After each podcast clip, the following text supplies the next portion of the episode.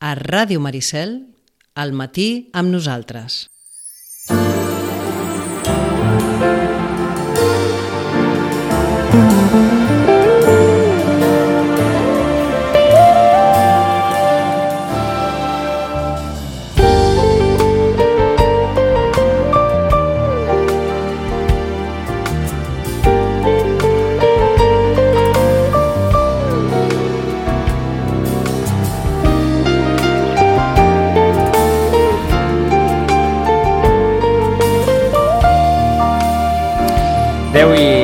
10 i 12 minuts, eh, primer dimecres de mes, com sempre, temps de, de l'hora d'Europa en, aquesta, en aquesta casa. Avui ens feia una especial il·lusió aquest, eh, aquest programa perquè per primera vegada doncs, eh, el volíem fer amb, amb connexió amb el eh, Parlament Europeu, amb un estudi de ràdio, perquè Joaquim Millan havia de ser a Brussel·les avui vam dir, doncs escolta, mm, fem-ho amb els protagonistes des de, des de Brussel·les. De fet, de, bé, no sé, 10 o 12 anys que fem a, aquest espai, no ho havíem fet mai, això. I, i bé, eh, diguem que eh, les meigues s'han aliat en contra nostra, la connexió la tenim, esperem, ara la sentirem, eh, però qui no tenim és en Joaquim, que es veu que Ryanair no ha anat de... Eh? Allò que diem el nom perquè, perquè això, perquè han, han arribat tard, i clar, han arribat tard, i ara en Joaquim està desesperadament buscant un taxi per poder-se acostar fins al Parlament Europeu. Dubto que pugui estar, doncs sembla que no hi ha molta, tor molta tros, però bé, perquè tingui temps d'arribar, de passar el control de seguretat i de trobar l'estudi, abans de les 11 ho té ho té difícil, per tant, doncs, eh, agraïm d'entrada amb en Federic López Palau, que és qui ens ha fet una miqueta de partener des de Brussel·les, a la falta d'en Joaquim, amb en, amb en Frederic parlarem eh, a la part final d'aquest espai, perquè, mm, i ara, diguem, em llenço a la piscina, d'entrada, si no m'equivoco, tenim eh, a l'altre costat de la, del fil que no és telefònic, sinó que és un, és un fil peripé, a, a la Neus Pociello. Neus, bon dia. Hola, no, jo sóc la Blanca de Riquer, la Neus està amb el Quim buscant taxi. Vaja, jo, bé, tenia ente... Ah, m'he equivocat, llavors, jo, clar, eh, és a dir, en Joaquim, la Neus i l'Oriol no els tindrem. d'entrada. Exacte. Val, d'acord. Potser arriben, perquè són 20, 20 minuts i potser si, si totes les estrelles s'alineen, potser arriben aquí una mica abans que tanqueu el programa. Ah, doncs això, jo ja, li, ja l'hem avisat amb en Joaquim que si arriben, que si arriben, doncs que entrin a saludar, ni que sigui, doncs, escolta, que ens fa il·lusió saludar en Joaquim, tants anys fent el programa i un dia que està a Brussel·les va i no ens podrà saludar. Uh, bueno, doncs, uh, Blanca, d'entrada, bon dia. Eh, la, ets assessora de, uh, de la Comissió d'Igualtat del Parlament Europeu i representant de la iniciativa MeToo al, al Parlament Europeu, una iniciativa que mm, doncs, agafa eh, aquella mm, doncs, eh, iniciativa que en el seu dia es va eh, popularitzar als, eh, als Estats Units a l'octubre del 2017, aquella iniciativa MeToo sobre els abusos que doncs, eh, un productor de la indústria de Hollywood, Harvey Weinstein, havia fet eh, contra algunes actrius i que després doncs, va va esdevenir una, una història mundial. I de cop i volta doncs, han, anat apareguent tot de mitos eh, arreu, arreu del món i, i també hi ha mitos al Parlament Europeu. Exacte. A veure, um, explica, explica. Bueno, t'explico una mica qui som. Uh -huh. um, la iniciativa MeToo-IP, que ens diem, IP és per European Parliament, uh -huh. és una iniciativa eh, que neix ara fa una mica més d'un any, el 8 de març del 2018, on llancem una petició per lluitar contra l'assetjament sexual i el sexisme dintre del Parlament Europeu. Com podeu entendre, no hi ha ninguna institució al món, i sobretot institucions tan grans com el Parlament Europeu, on no hi hagi dinàmiques sexistes o d'assetjament sexual. En el cas del Parlament Europeu, aquesta dinàmica estava bastant silenciada, eh, no hi havien hagut gaires denúncies i per això amb aquesta, amb aquesta petició vam voler una mica visibilitzar aquesta realitat que estava encara bastant silenciada i lluitar per reformar els mecanismes interns per eh, acabar amb l'assetjament sexual. El nostre objectiu com a moviment és que el Parlament Europeu sigui un espai lliure d'assetjament sexual. Com a grup, eh, el MeToo-IP el formem treballadors i treballadores de diferents eh, grups polítics, de diferents nacionalitats, de diferents ideologies i de diferents posicions, és a dir, des d'assessores com jo, com assistents o persones que treballen en el restaurant del Parlament Europeu, amb l'objectiu comú que volem treballar en un espai eh, on no hi hagi sexisme. Uh -huh. El que no deixa de ser una paradoxa, és a dir, en el, en el punt eh, de reconeixement màxim dels drets i llibertats dels ciutadans, que no deixa de ser un Parlament, eh, que s'hagi d'estructurar eh, un moviment intern per lluitar contra eh, una qüestió que en principi doncs, a una societat adulta hauria d'estar més, que, més que superada. Exactament, però els parlaments són també reflexes de la societat uh -huh. i vivim en una societat on malauradament hi ha encara molts casos de sexisme i d'assetjament sexual. També en els parlaments eh, existeixen també unes relacions de poder molt clares entre els eurodiputats o persones que treballen des de fa molts anys i tenen un cert poder acumulat i assistent o fins i tot les persones més vulnerables, que són les persones en pràctica. Sí, sí, a, a persones tant... en pràctiques, persones que estan treballant, el que ens han comentat abans, les cambreres de, de, de, de, de les cafeteries, no? És a dir, to, tothom, tothom que, que pot eh, sentir-se vulnerat a partir d'aquesta relació de superioritat que es pot establir a partir de, de qui és una autoritat. Exacte. Uh -huh. De fet, des de la iniciativa MeToo, una de les primeres accions que vam fer va ser obrir un bloc de testimonis anònims perquè les persones poguessin explicar eh, les seves vivències. El problema que existia al Parlament Europeu era que des dels de últims quatre anys només hi havien hagut dos denúncies d'assetjament. Nosaltres sabíem que això era impossible, uh -huh. perquè només parlant amb, amb la gent als passadissos ja havíem escoltat bastants més casos. Blanca, per tant, per... vam voler iniciar... Perdona? No, per contextualitzar. Eh, eh, ara, ara continuem el relat, però de, eh, quant, quanta gent hi ha al voltant del Parlament Europeu? És a dir, eh, europarlamentaris són 500 i escaig. 751 700 per ser exacte. 751, I... m'he quedat curt. Exacte. I, I entre assistents i treballadors, de, quan, de, anava a dir, de, de quina colònia podem estar parlant? Clar, és que calcula que són 751. Cada eurodiputat té de mitja uns eh, 3 assistents, posem. Uh -huh. Més, home, dos, tres, depèn. Eh, hi ha fins i tot que en tenen quatre. Eh, després, si contem totes les persones que treballen pels grups polítics com jo, que jo sóc del, del grup dels Verds, però els dels grups del PP n'hi ha molt. És que no t'ho sabria calcular, però serien milers i milers de persones dintre d'aquesta institució. Per tant, estem parlant d'una proporció de, perso de persones interactuant diàriament molt important.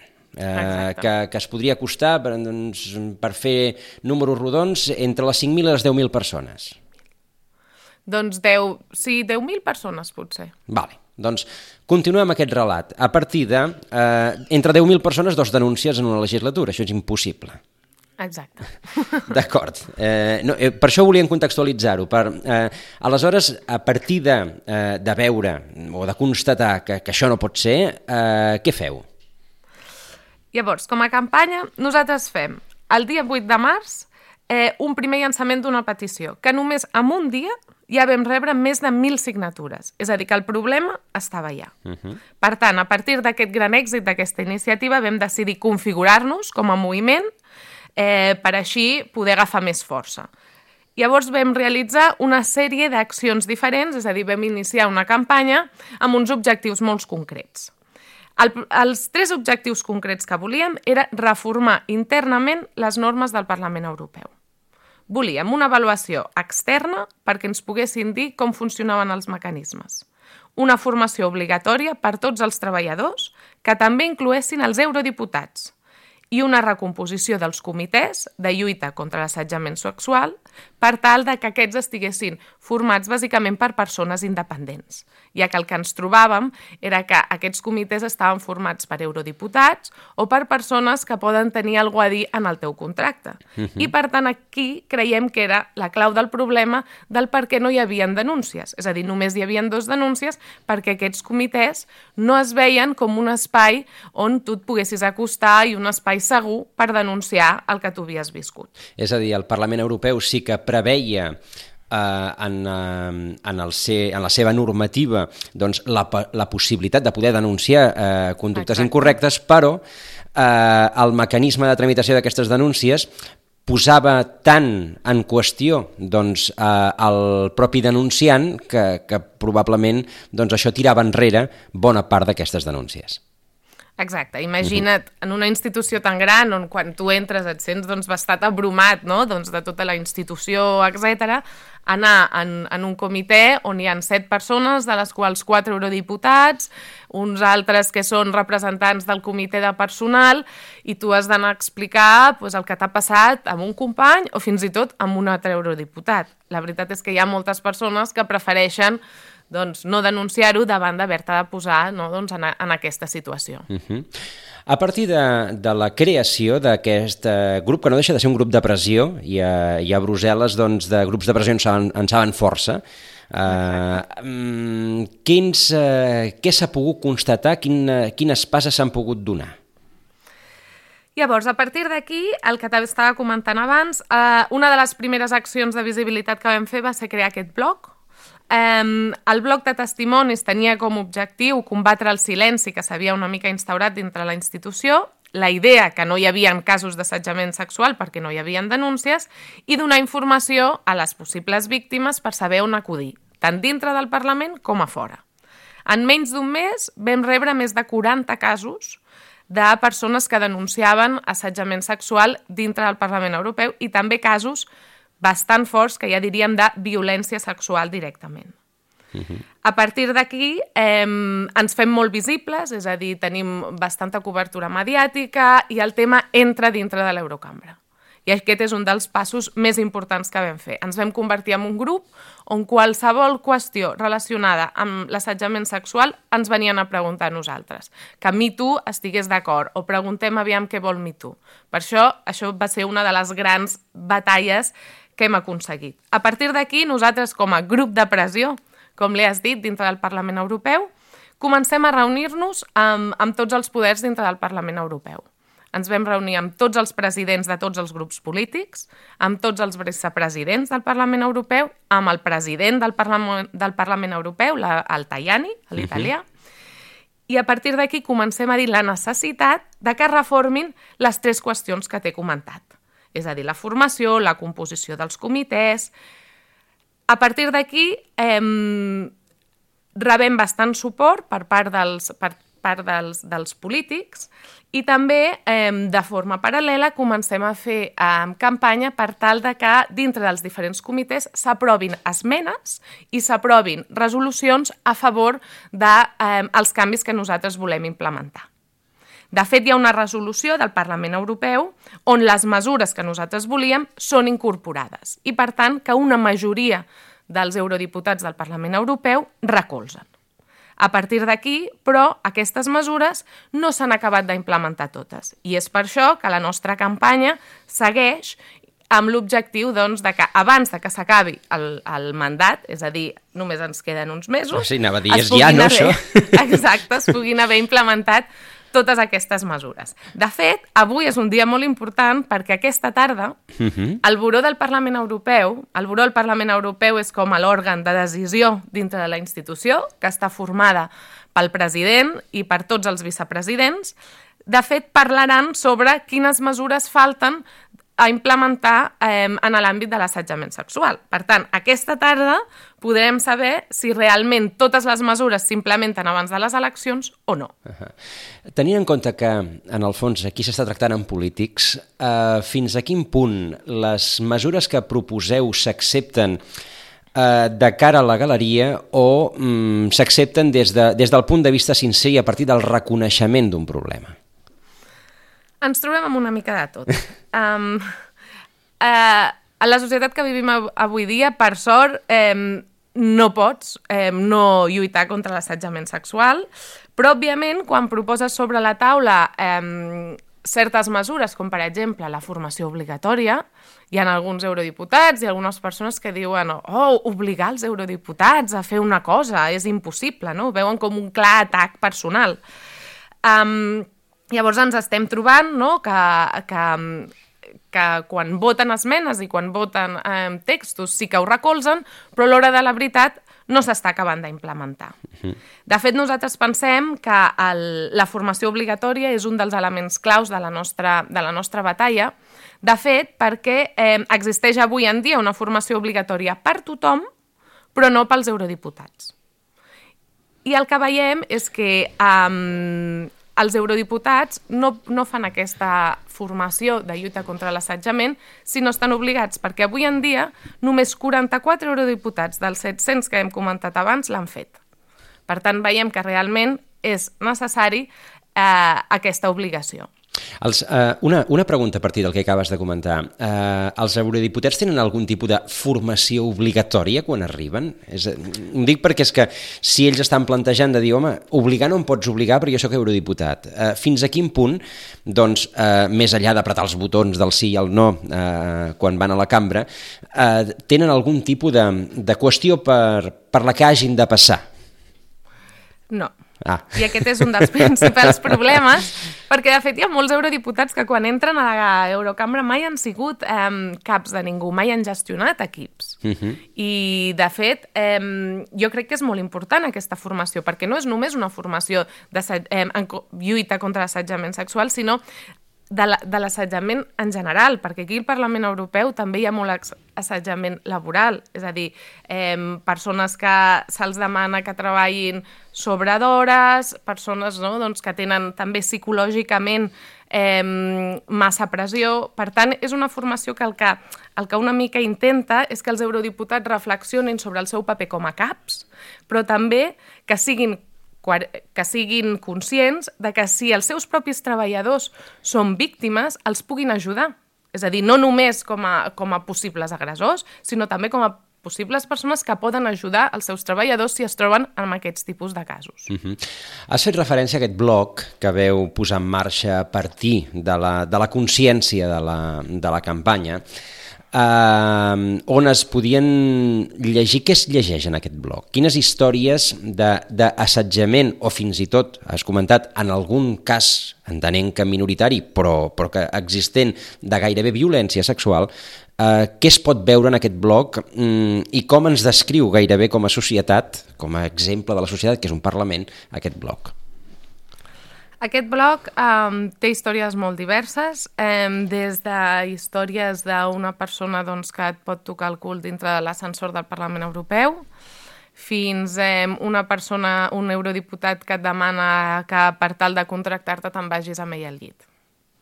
Mm. O una que també és bastant, bastant um, bueno, forta, que és a les, a les missions. Sabeu que el Parlament Europeu a vegades eh, doncs, fa missions a, a l'estranger i, per tant, és un moment on convius durant, per exemple, una setmana amb tots els teus companys. Doncs a l'habitació del teu hotel se't coli una persona i se't posi dintre el llit.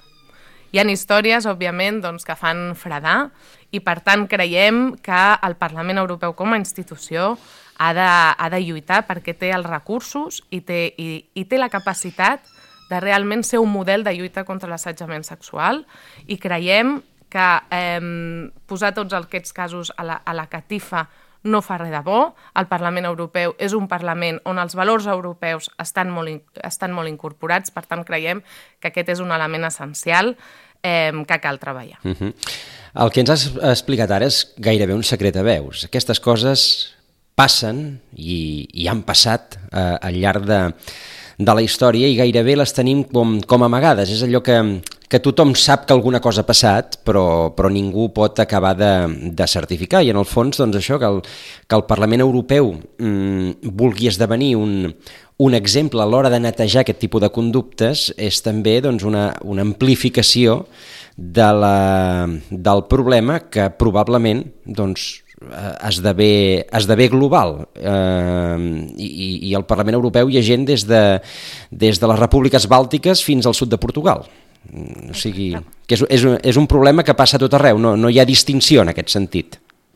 No hi ha distinció i sovint a vegades ens trobàvem al principi no? doncs que alguns, quan denunciàvem alguns dels casos, ens deien molt això de això és que són diferents cultures, no t'ho has de prendre així, no? Hi havia una mica aquesta dinàmica de prendre-s'ho com eh, com si no fos algo important o algo que fos sistèmic, no? I aquest és el, el, el nostre missatge clau, és que això és algo que està passant dintre aquest Parlament, però que té molt a veure amb la societat que vivim i que té molt a veure amb, amb les relacions de poder que existeixen entre les persones, ja siguin entre caps o entre persones doncs, que, eh, que poden tenir doncs, més poder dintre d'aquesta institució. Sí, però sens dubte, eh, clar, crida l'atenció això, eh, quan en alguns casos estan implicats fins i tot eurodiputats, que són persones doncs, eh, atribuïdes a través de la, de la votació, de la voluntat popular, d'una autoritat i d'una capacitat de representació, eh, tot plegat esdevé eh, més, més difícil,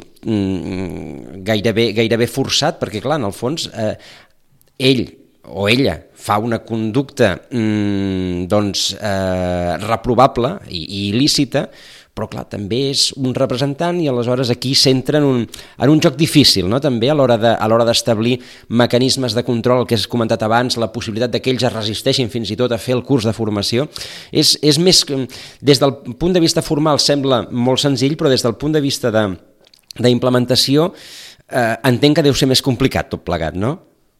Exacte.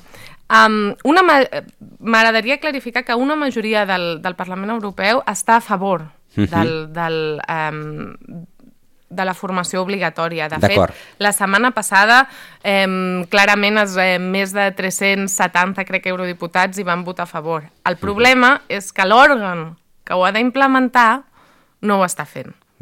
Però els eurodiputats en general tenim un, un suport de la majoria de la cambra per a aquestes mesures. El que passa és que s'han d'acabar de traduir dintre de, doncs, el, el buró del Parlament Europeu que he explicat abans. L'òrgan és el buró, no? Exacte. Quants vicepresidents i vicepresidentes hi ha? Eh, actualment hi ha 14 vicepresidents eh, de diferents partits, del uh -huh. el grup dels Verds en tenim un, i doncs, en funció de lo, eh, del tamany del, del grup doncs, tens més o menys vicepresidents. D'acord. I vicepresidentes? Vicepresidentes, ara no me'n recordo el nom, però eh, diria que com a mínim n'hi han set. Set, home, està bé. Em pensava sí, que en diries o... menys. No, no, crec que potser cinc, és que no me'n recordo, bueno, però no. segur que quatre o cinc eh, hi són perquè, perquè hi he estat en contacte. És a dir, no hi ha una paritat, però tampoc hi ha una majoria absoluta de, de les veus masculines en aquest òrgan. Exacte, no. Va, no. doncs no, està no, bé, està bé. Aquest no és el, aquest no és el problema. Val, no, no, és, eh, però és interessant com a mínim, perquè si probablement si ens n'haguéssim anat una o dues legislatures enrere, aquest seria una altra part del problema, entenc. Exacte. Uh mhm. -huh. I després també m'agradaria comentar el que has dit abans, no? doncs fins a quin punt um, pots no, implementar sancions a persones que hagin tingut fins i tot eurodiputats eh, comportaments inadequats. Uh -huh. I al Parlament Europeu hi ha una regulació on diu exactament quin tipus de sancions pots posar als eurodiputats. Per tant, els mecanismes i formes de sancionar existeixen. Simplement s'han d'implementar bé. Clar, el, el, el que passa és que moltes vegades, i això ho sabem perquè passa a tots nivells, eh, una cosa és que eh, la norma prevegui doncs, sancionar determinat tipus de, de comportament i una altra cosa que com no hi ha el costum d'utilitzar aquesta norma per sancionar això, doncs al final no s'acabi fent. Exacte. I aquí mm -hmm. també entra molt el joc no, de, de a qui ens creiem més. Ah, aquí està. Ens creiem a la víctima, ens creiem a l'agressor quin, quina veu té més poder. I aquest és una mica també el reflexe de la societat en la que vivim. Sovint, els casos d'assetjament sexual és molt complicat tenir, eh, tenir proves no? que justifiquin doncs, el, el, el, el que tu estàs al·legant. Per tant, sovint ens trobem en aquestes situacions on les víctimes no són prou escoltades. Les víctimes no són prou escoltades, és difícil tenir proves i normalment eh, l'acusat està en una posició de, de preponderància per sobre de la víctima. I per tant, això encara eh, doncs, eh, dirigeix més la balança cap a, cap a un costat. I tot plegat fa, fa que sigui bé com passa tot, a tots nivells de la societat. Però clar, en aquest, en aquest on el joc d'equilibris de, del poder és molt més, eh, molt més marcat on hi ha des d'eurodiputats fins a cambreres o, o senyores de la neteja eh, diguem-li com vulguem però per, per buscar l'escala més baixa des del punt de vista orgànic doncs és, és eh, cada, és complexa no? eh, trobar, trobar un equilibri entre eh, relacions tan, tan desequilibrades. Exacte. I també m'agradaria comentar que la nostra última acció que hem fet dintre de la campanya és eh, el que li diem un pledge, una iniciativa de compromís que hem llançat a tots els eurodiputats i també als candidats perquè es comprometin a lluitar eh, contra l'assetjament sexual i el sexisme tant dintre com fora de la institució. Uh -huh. De moment, aquesta iniciativa de compromís, on recolzen totes les mesures que t'he comentat abans i també eh, es comprometen a lluitar en la següent legislatura contra tots aquests casos i per fer el Parlament Europeu un lloc de treball lliure d'assetjament sexual, l'han firmat i els presidents de la majoria dels partits polítics, des del PP, els socialistes, els verds, l'esquerra, els liberals, també el president del Parlament Europeu, i ara comencem a demanar eh, que també siguin els candidats que segurament entraran que el signin. La idea és també eh, posar la lluita contra l'assetjament sexual dintre de la campanya de les eleccions europees per tal de que els votants puguin saber si els seus candidats volen lluitar realment contra l'assetjament sexual o no. Per tant, amb això també esperem que ja no sigui només dintre d'aquesta legislatura, sinó també en la legislatura següent, seguim treballant perquè, eh, per acabar doncs, amb aquestes dinàmiques sexistes dintre d'una institució com el Parlament Europeu i esperem que això també, de fet, eh, s'amplifiqui i es puguin fer iniciatives similars tant al Consell Europeu com a la Comissió Europea. Perquè això, això t'anàvem a preguntar, Blanca. Mm, tenint en compte que la legislatura ja està pagant-se gairebé, eh, fins a quin punt hi ha la, hi ha la possibilitat de que, de que el que heu fet en aquesta legislatura doncs, eh, acabi mm, formalitzant-se i, i deixant eh, una estructura ben, ben feta perquè doncs, a la propera legislatura això ja no, ja no es pugui ni arribar a qüestionar. Mira, crec que estem, estem anant bastant pel bon camí. De moment, el Parlament Europeu va aprovar un, una guia amb un, crec que eren més de 30 mesures noves per lluitar contra totes les formes d'assetjament. Eh, D'aquestes ha implementat més de la meitat, tot i que les, que, les, tre, les, les dos que et comentava molt importants per nosaltres, que és la formació obligatòria i la recomposició dels comitès, encara hi estem treballant, però tot i així la nostra pressió ha fet que ja s'adoptin moltes mesures noves. I el que també estem seguint és, bueno, primer assegurar aviam què passa aquesta tarda, que potser s'acaben d'adoptar totes i per tant hem tingut un èxit rotund, uh -huh. i si no, les que encara ens queden, eh, molts dels membres de, de, del MeToo seguirem la legislatura següent, per tant seguirem donant la batalla, seguirem dintre la institució, i de fet crec que hem creat un, una, una xarxa no? entre partits polítics de persones doncs, eh, que són feministes, que són persones que lluitem per contra l'assetjament sexual, que, um, que està tenint molt poder i que, de fet, treballar entre partits pots aconseguir moltes coses. I, per tant, crec que aquesta xarxa la seguirem mantenint perquè eh, tenir un lobby feminista dintre d'una institució com el Parlament Europeu és molt important.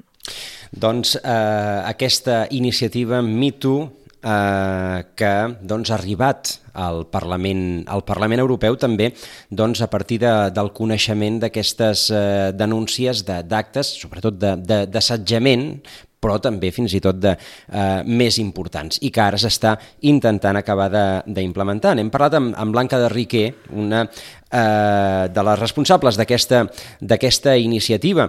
N'hem parlat perquè en Joaquim Millan també volia que parléssim d'aquesta campanya eh, Feminist Europe que eh, vol, o d'aquesta plataforma que a través d'aquesta de, de doncs, campanya de, de, del mirar eh, amb ulls de dona cap a, cap a Europa ens volia presentar, però ens imaginem amb en Joaquim, amb la Neus Pociello i amb l'Oriol Lázaro ara mateix a bord d'un taxi intentant arribar hi ha molt de trànsit, ens diuen. Bé, vaja. Uh, quin temps fa? Quin temps fa a, a Brussel·les, Blanca?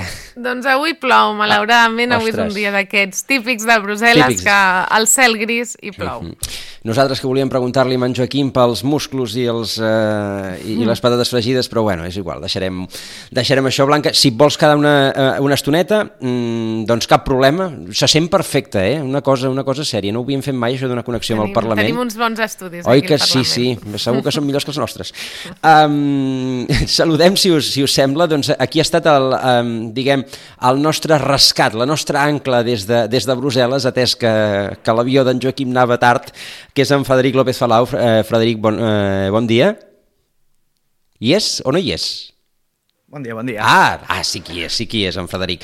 Uh, repetim, moltes gràcies per, per aquesta, doncs, per, per haver-nos servit uh, d'ancle amb, amb els estudis de, del Parlament, perquè, doncs això, en Joaquim Pobre ens, uh, ens arriba tard. Uh, en Frederic és llicenciat en Ciències Polítiques i actualment és l'assistent del diputat Francesc Gambús uh, al Parlament Europeu. S'us acaba la legislatura, Frederic?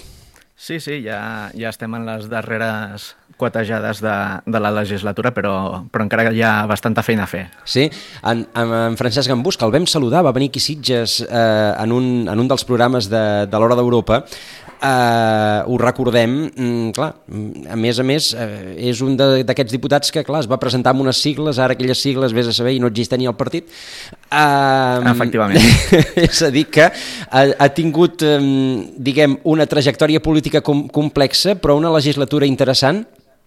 Sí, sí, la veritat és que ha estat eh, molt interessant. Eh, de fet, per, per una raó bàsica que és que ella ha estat eh, membre titular de la Comissió de Medi Ambient i, és, i aquest ha estat un tema que, que ha estat molt, molt important eh, durant aquesta legislatura i, de fet, ho estem veient ara els, els divendres amb els Fridays for, for Climate, que, que, que és, és un tema que està sent molt important i que té un, molt, molt de ressò dintre de la nostra societat. Uh -huh.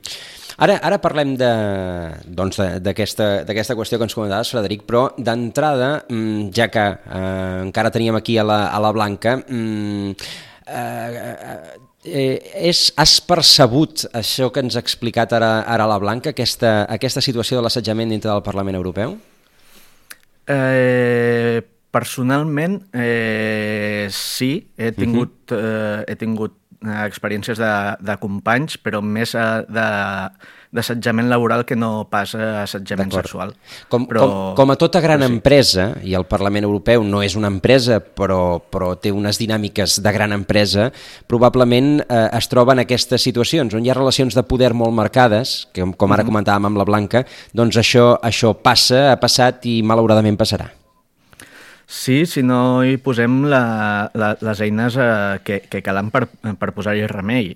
De fet, eh, algunes d'elles hi són i, i sí que s'han aprovat mesures. Eh, una reforma del, del reglament eh, recent eh, que es va aprovar, crec que va ser aquest passat gener, que incloia que els diputats de la propera legislatura han, hauran de signar un, un codi de conducta i de bon comportament a, a l'inici de la legislatura. Això és un, un fet inèdit perquè fins ara se'ls hi pressuposava, uh mhm. -huh. però de, de, degut a la, a la llau i a, i a l'èxit que ha tingut a la campanya de MeToo uh, IP, uh, ara hi ha hagut aquesta, aquesta transformació i s'obligarà als, als eurodiputats, quan, quan recollin l'acte en, la, en la primera sessió del plenari del juliol, a, a signar aquest codi de, de conducta eh, de, de bona conducta que fins ara no, no existia. I això del curs que ens ha, que ens ha comentat també la Blanca, eh, sí. en, Fran en Francesc Gambús l'ha fet o no l'ha fet?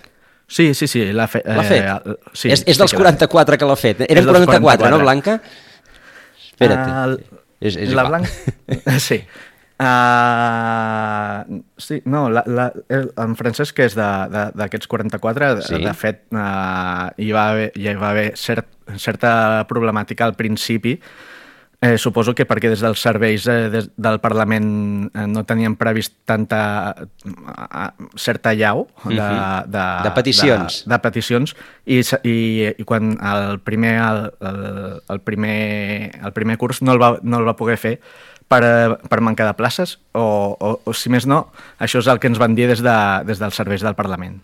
D'acord, doncs eh, en qualsevol cas és dels que s'ha pogut afegir en aquesta, eh, en aquesta iniciativa. Com, com ens comentava en, en Frederic, de tota manera, el que, el que més l'ha eh, motivat durant aquest darrer temps és eh, la qüestió de, de la Comissió del Medi Ambient. Sí, sí, sí. Uh, de fet, ha sigut una, un tema bastant actiu i recentment aquest, aquest Estrasburg passat fa la setmana passada Uh, vam, vam aprovar l'acord de, de plàstics, de, de, de reducció de plàstics de cara al 2021 i 2025 i, i ha estat un, una iniciativa que ha liderat la comissió i que hem pogut arribar una, a un acord bastant ràpid per, perquè entri en vigor abans de que acabi al final de, del mandat, cosa que no, no era del tot eh, probable uh -huh. a l'inici. Moltes, moltes vegades amb, amb en Joaquim hem parlat eh, uh. aquí que, que la ciutadania té una, té una percepció òbvia de llunyania respecte d'una institució com el Parlament Europeu. Uh -huh. uh, el fet de que s'hagin aprovat les reglamentacions, com la que ara comentaves, de, del plàstic, o la setmana passada, doncs, que també es va parlar de la qüestió de la, de, dels, eh, dels cercadors a internet i de la, i, i de la protecció de l'autoria. La, Uh -huh. um, doncs ens demostra que, que allò que es legisla en el Parlament sí que té una incidència sobre els ciutadans, tot i que aquests ciutadans no tenen aquesta percepció. Sí, sí, sí. Realment eh, es calcula que el 80% de, de, les, de, de les lleis que ens afecten en el, en el nostre dia a dia tenen un origen europeu. Això ho, podem, eh, ho podrem veure, per exemple, dintre, de, dintre del, del nou reglament del mercat d'electricitat, on per primera vegada s'ha incorporat el, el concepte de, de la pobresa energètica, que això és un tema que ens afecta sobretot en molts països de, del sud que han patit eh, la crisi, però que fins ara no hi havia... Fins ara, a, a dia d'avui, l'única L'únic estat membre que, ha, que té una definició de què és la pobresa energètica és el Regne Unit. Això ara no serà així. Ara els estats hauran de definir, d'acord amb els seus criteris eh, propis, perquè no és el mateix eh, la situació que podem tenir a Andalusia que la que puguem tenir a, a Lapònia, a Finlàndia. Eh, per tant, tindran cada un els seus criteris, però hi haurà, estaran obligats a lluitar contra a, a aquesta, aquesta pobresa energètica que a nivell europeu ja s'ha ja donat un instrument perquè es pugui començar a, atacar. Uh -huh. El que, de tota manera, i eh, clar, el cas de Francesc Gambús en aquest sentit és, eh, és particular perquè eh, doncs no està, encara que estigui enquadrat dintre d'un perfil polític, no està enquadrat directament en una formació política com, com poden estar la majoria dels seus companys, però en qualsevol uh -huh. cas, Um, fins a quin punt uh, els europarlamentaris voten per famílies polítiques o voten per, eh, per mm, eh, pertinència geogràfica, per dir-ho d'alguna manera. Depèn dels temes, depèn dels temes perquè, per exemple, hi ha un, un tema que és el, el pla de pesca multianual del Mediterrani Occidental, que és bàsicament què podran pescar els nostres pescadors eh, per mantenir eh, els nivells de, de reproducció dels peixos i que ting, seguim ten, tinguem peix pel, pels propers uh, anys. Uh, ara ara uh, m'aturo un moment aquí, Frederic. Sí. Uh, um, com m'heu dit això? Uh, el pla... Pla multianual de pesca. Mare de Déu. Aquestes coses es voten al Parlament Europeu, també. Sí. Que divertit. Sí, sí.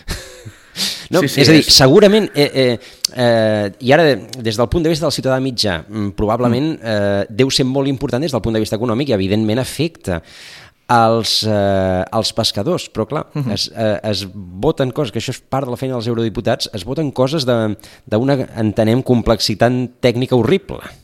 Sí, sí, la veritat és que, és que quan arribes aquí i t'has de dedicar a un comitè concret, fas un màster accelerat en, en, en temes... A qüestions que com aquesta. No, exacte, que no havies tocat mai i que d'un dia per l'altre doncs, estàs obligat, uh mhm. -huh. sobretot eh, com a assistent, a, a entendre i poder-li explicar al, al teu eurodiputat el tema, perquè l'eurodiputat, evidentment, marca la línia política, però ha d'entendre què, què és el, el, el que estem parlant. Sí, la feina, de l'assistent mica... la feina de l'assistent és fer-li eh, és fer comprensible allò incomprensible a l'eurodiputat perquè ho entengui. És, eh, en, en, en certa forma, és, eh, és, eh, és, posar, és, posar, és treballar al final perquè els eurodiputats, com, eh, com pots imaginar, tenen l'agenda molt complicada i al final són els que prenen la, els càrrecs electes i per tant uh mhm. -huh. han de dedicar-se a, a, a representar a la, a la ciutadania però molt, molt del treball de, de, de camp, diguem, uh mhm. -huh. de, del treball tècnic, és el que fem els assistents, i després ells, el, els diputats, són els que ens marquen, doncs, has de tirar per aquí o has de tirar per allà i tu és el que defenses després en, en les reunions tècniques que pots tenir, però sempre l'eurodiputat és el, el que pren la, la última decisió, com, com no pot ser d'altra manera. Doncs eh, t'he interromput quan m'estaves intentant respondre eh, a la qüestió aquella sobre la, la pertinència política o geogràfica a partir del, de, de l'exemple que posaves del, del pla de pesca. Clar, quan, quan és el tema de... En, en, posava aquest exemple del pla de pesca del Mediterrani Occidental perquè és un tema que ens afecta principalment a la costa mediterrània de, de l'Estat, al sud de França i una miqueta al nord d'Itàlia. Doncs aleshores, els diputats del sud, diguem, d'aquestes regions, voten, votaran en el mateix sentit en canvi, els, els eurodiputats de, del mateix grup polític, però que no tenen pesca en, a, en, a, en aquelles aigües, doncs, com els és igual, votaran uh, amb, un altre, amb un altre sentit, més eh, marcat per la seva ideologia. Per tant, depèn, de, depèn del tema que, es- que s'estigui tractant. Uh -huh. Perquè ara Francesc Gambús, eh, a quin grup està enquadrat? Ell és eh, membre del Partit Popular Europeu uh -huh. com a independent. És a dir, és, eh, és eurodiputat. És un cas molt especial perquè ell va, ell va deixar Unió Democràtica, després Unió Demo Democràtica ha desaparegut, i, i es quedava amb, amb aquesta situació perquè ell és cap de, de, cap de delegació nacional, que això dintre dels grups grans, diguem, és important, i, i clar, quedava una mica, una mica des, eh, desemparat, en, entre cometes. Això doncs, va fer que el, es creés un, un, un cas especial en el que ell és, eh, entre cometes, militant del Partit Popular Europeu mentre duri aquesta legislatura, que és una cosa ad personam, o sigui, uh -huh. només personal per ell, i me sembla que hi han quatre casos similars d'eurodiputats de, de, de, d'altres països que els hi ha passat el mateix i, i són membres a la persona de, del, del Partit Popular Europeu. Uh -huh. Ens informa Joaquim Millan que està a fora del Parlament Europeu, però que no arribarà perquè, clar, falten, falten 8 minuts, oi?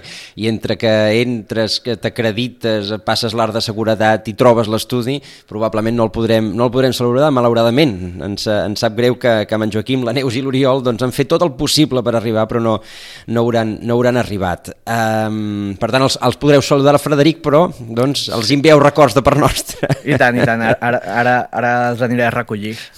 Um, doncs um, ens comentàveu, uh, el, perquè ara s'estan ja tancant temes, la legislatura, la legislatura queda oberta amb diversos temes, la, coneixem molt com funcionen les legislatures al Parlament de Catalunya o al, uh -huh. o al Congrés dels Diputats, però en canvi coneixem poc la, la dinàmica del, del Parlament Europeu. La veritat és que és una dinàmica molt especial perquè el Parlament Europeu, a diferència de, del Congrés dels Diputats o del Parlament de Catalunya, eh, no es dissol. O sigui, no, no hi ha una... No, no es dissol el Parlament, sinó que eh, el Parlament es substitueix. És a dir, és com si a la, eh, hi haguessin canvis a la mitja part d'un partit de, de futbol, mm. doncs és, és, o, o en un partit de, de bàsquet, és el mateix. És a dir, no hi ha una Ells- diputació permanent, com, com no, hi ha els... eh, els diputats són diputats fins al, fins al 30 de juny i el 1 de juliol comença el, el, es, es reprèn la sessió plenària amb els nous diputats prenent l'acte de diputat. Però to, es renova tot sencer, això sí. És a dir, que no, no queda cap de la legislatura anterior.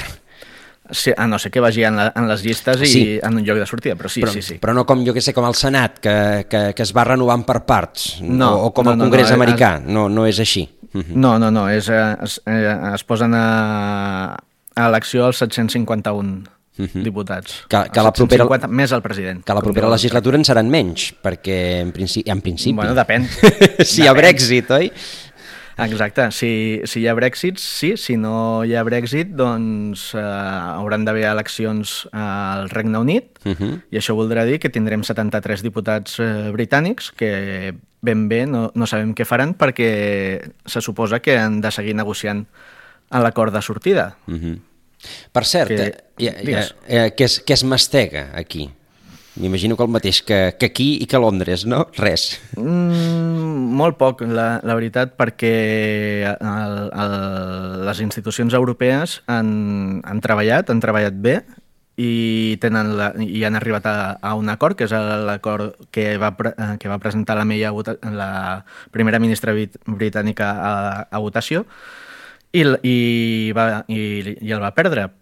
Mm, això eh, nosaltres, des de les institucions europees, ja no hi podem fer res, és, eh, ja això. Hem, hem, portem dos anys negociant, eh, ens heu canviat quatre vegades el negociador, però, però és, és, eh, o, o acceptem l'acord que hem arribat o, eh, o marxeu sense acord i marxar sense acord eh, és mm, bastant pitjor que, a- que a l'acord al que han arribat. Uh -huh. el, I que en qualsevol cas la, la pilota està a la taula de Londres i per Ah, tant exacte. doncs, un, cop, un cop tancada la negociació és Londres el que s'ha de- d'entendre amb ell mateix. Exacte. Eh, jo m'imagino que el, el que pensaven des de, des de Westminster és que Europa estaria dividida i cadascú voldria negociar la seva part amb el... Amb, cada estat membre voldria negociar el seu tractat a part amb, amb Londres i no ha estat així. S'han trobat una Europa unida, s'han trobat una Europa que parlava amb una sola veu i quan Europa parla amb una sola veu és una Europa forta. Uh -huh. I per, això per, una vegada, per una vegada a la història, anava a dir gairebé. Eh? Ah, sí, sí, per, per primera vegada en la història bueno, és, és, és també un fet històric que un estat de, membre eh, hagi volgut marxar. Um, per tant, doncs, eh, amb, amb aquest eh, lapse mm, estareu a Brussel·les fins al 30 de juny, Exacte. uh -huh. Aguantant la, el temps i les patates fregides. I els musclos. I els musclos. I els musclos. Els musclos, Sí, sí. eh, perquè... els- Sí, I els gofres. I els gofres, també. Sí, També. Brussel, Brussel·les no és una ciutat especialment, especialment agraïda, oi? Mm, Per té, els seus di... Ah. eh, té, té els seus dies, té els seus dies. Eh, quan portes ja 5 anys eh, i surt el sol, eh, veus una ciutat eh, totalment diferent a, a la que és habitual durant 8-9 mesos a l'any, que és la ciutat grisa, plena de trànsit i, i, i de contaminació, que, que és, que és l'habitual. Però, però és això, quan, quan surt el sol veus una ciutat que la gent surt al carrer, que hi ha vida al carrer, hi ha concerts, hi ha, hi ha molta cultura, hi ha molt, molt d'entreteniment i el pots disfrutar des del dilluns fins al diumenge, si el temps ho permet, òbviament. Doncs um, no sé si encara la, la Blanca ja ha marxat, perquè no l'hem Sí. acomiadat al final entre una cosa i l'altra. Ens hem pensat que es quedava a l'estudi i no es quedava a l'estudi. Ha, ha marxat, ha, hagut- no? Ha hagut de marxar, ha hagut de marxar, cap, sí. cap problema. La, això, doncs, la donem per acomiadada eh, en, aquesta, en aquesta conversa i també, doncs, com dèiem, agraïm eh, la, el suport des de Brussel·les, ja que no hem tingut a la nostra alma mater, que és en Joaquim Millan, eh, per poder-nos eh, introduir en aquesta eh, iniciativa Feminist Europe eh, Platform que doncs eh, s'ha impulsat en els darrers temps per, per mirar eh, Europa des d'una des d'una ullada feminista. Eh, N'hem pogut parlar doncs, en, aquest, en aquest tram final amb, amb Frederic López Palau, eh, que és l'assistent de l'eurodiputat Francesc Gambús. Frederic, moltíssimes gràcies. S'ha sentit perfecte, això, eh? és una cosa sèria, de debò. Ens ha agradat Sí, molt. sí. No, tenim, tenim uns serveis per, per la premsa que estan molt bé i que malauradament estan molt infrautilitzats. Doncs realment... Sí, que quan vulgueu. Eh, probablement, si un altre dia en Joaquim Millan no perd l'avió, bueno, no l'ha perdut, eh, l'avió, l'avió no li arriba tard, eh, doncs eh, intentarem tornar-ho a utilitzar perquè realment val molt la pena. Frederic, saludeu a Francesc Gambús, ens recordem de, també De de quan, de quan va estar aquí a Sitges, moltíssimes gràcies i, i que surti el sol a Brussel·les. Això esperem. Moltes gràcies a vosaltres. Adeu, bon, Adéu. bon dia. I a tots vostès, doncs això, aquesta, aquesta hora d'Europa especial amb connexió, sembla mentida, eh? semblava que el tinguéssim aquí al costat, tant el Blanca de, de Riguer com en Frederic López Palau, i estaven, estaven a Brussel·les. Eh, allà plou, aquí doncs fa entre ulladetes de sol i també amenaça pluja, eh? fa un temps gairebé... Ara anirem a buscar els musclos. Uh, 5 minuts i, i, més, i més coses. Fins ara.